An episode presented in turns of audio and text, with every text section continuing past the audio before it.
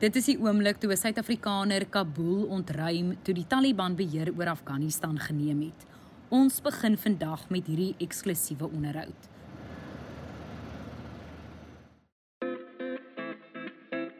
Dis Vrydag die 20ste Augustus en dit was 'n besige nuusweek, maar voor jy kan gaan naweek hou, wil ek jou net gou op hoogte bring van alles wat jy moet weet hier in jou weeklikse bondige nuusoorseig met my Mia Spies.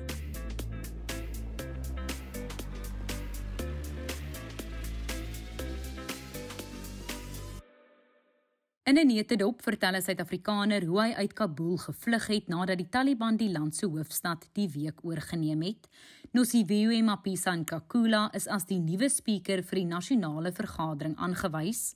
Meer as 10 miljoen COVID-19-enstofdosisse is nou al in Suid-Afrika toegedien en van vandag af kan 18 tot 34 jariges hulle ook laat inent.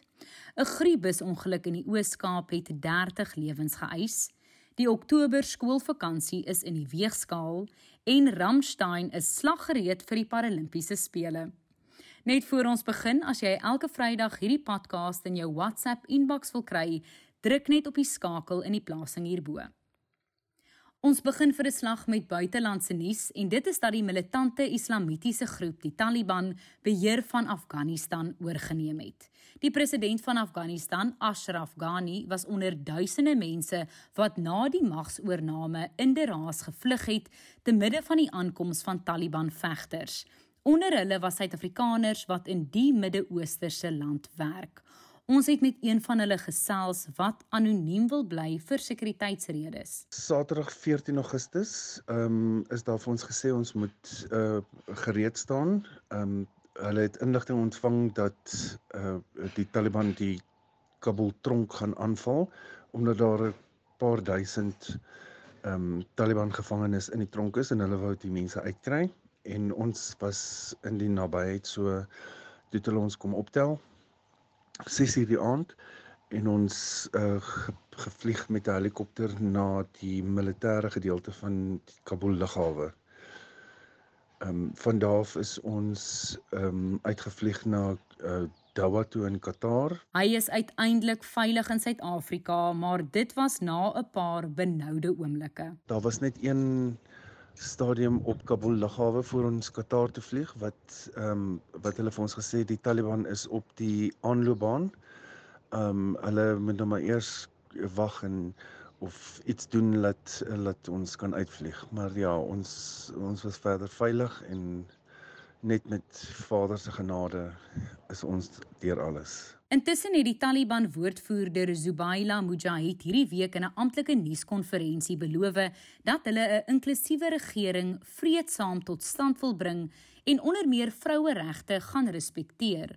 Of dit gaan gebeur, sal 'n mens maar moet wag en sien. The Farman Pasas from our side it is announced that all those people who have worked for the other side for the government or for the previous government they are all being forgiven. So an amnesty has been announced. Taliban do not have any enmity against anyone. Terug hier op eie bodem met die nasionale vergadering 'n nuwe spreker. Dit is donderdag die regter-president John Klope aangekondig. In terms of item 6 of part A, schedule 3 to the constitution, I accordingly declare honorable Nosiviwe Mapisa Ngagula duly elected as the Speaker of the National Assembly. Die voormalige minister van verdediging, Nosiviwe Mapisa Nkakula, het 199 stemme gekry, terwyl die enigste ander benoemde vir die pos, die DA se Dr Annelie Lotriet, 82 stemme gekry het. I pledge to use my tenure as Speaker to foster greater cooperation and ensure fair leadership within this House. I am committed to the full provisions of the Constitution of the Republic of South Africa and the rules of the National Assembly. Hierdie pos is natuurlik vakant nadat die voormalige spreker Tandi Modise as minister aangestel is na president Cyril Ramaphosa se kabinetskommeling. Opposisiepartye sê Mapisa Nkakula is nie geskik vir hierdie pos nie weens korrupsie-aantuigings teen haar wat tans deur die parlement ondersoek word. Die politieke ontleder professor Andrei Dievenage stem saam. Verder is haar man ook 'n raadgewer van die president en in terme van die driedelingsleer, die onderskeiding tussen die wetgewende, uitvoerende en regsprekende gesag is dit problematies. Wat vir my duidelik is, is dat meneer Ramaphosa hier 'n politieke spel speel ter wille van oorlewing. Hy plaas haar strategies ten einde om self beter voor te berei vir die 22 ANC nasionale konferensie. En dis ook duidelik dat Tandi Modise geskuif is om haar later vorentoe 'n potensiële adjunk president te maak. Nou na COVID-19 nuus, mense in die 18 tot 34 jaar ouderdomsgroep kan van vandag af registreer om teen COVID-19 ingeënt te word. Die regering het besluit om die inenting vir hierdie groep te vervroeg nadat die minister van Gesondheid, Joe Phaahla, verlede week aangedui het dat daar voldoende enstofvoorraad is. Die regering het hierdie week tydens 'n webinar oor inentings weer benadruk dat die enstof veilig is en dit is na 'n toename in huiwerigheid onder mense om die enstof te kry. Dit word toegeskryf aan fopnuus en misinformasie. Die enstofkenner professor Hanelie Meyer sê van die 53 sterftes van mense wat ingeënt is, kan geen daarvan met die inenting verbind word nie. There's been a lot of discussion about the deaths that followed um, amongst people who got vaccinated. And none of those deaths um, up to date have been caused by the vaccine. So they are not related to the vaccine. Meer as 10 miljoen doses se COVID-19-enstof is nou al in die land toegedien. Dan het die nasionale koronavirusbevelsraad in 'n verklaring aangedui dat die land vereers op vlak 3 van die nasionale inperking sal bly en dit is omdat ons steeds in die derde vlaag van infeksies is. Daar was hierdie week 'n toename in nuwe gevalle in verskeie provinsies, veral in KwaZulu-Natal en die Wes-Kaap. Dan het Eskom donderdag aangekondig dat die kragnetwerk onder druk is en dat beurtkrag op kort kennisgewing ingestel sou kon word indien die kragverskaffer nog opwekkingseenhede verloor het. Dit het gelukkig toe nie gebeur nie. Opwekkingseenhede by verskeie kragstasies is buite werking, onder meer by die Medupi steenkoolkragstasie in Limpopo wat onlangs tydens 'n ontploffing beskadig is. 8 Eskom werkers is geskort terwyl 'n ondersoek gedoen word na hierdie ontploffing wat grootskaalse skade aangerig het. Nou na die Oos-Kaap waar 30 mense dood is in 'n busongeluk maandagmiddag. Die passasiersbus het in die berugte Cape Cuttingsbergpas tussen Butterworth en Oos-London omgeslaan nadat die bestuurder vermoedelik beheer oor die bus verloor het. Hy is ook oorlede. Die bus het 52 passasiers van Kaapstad na Mtata vervoer.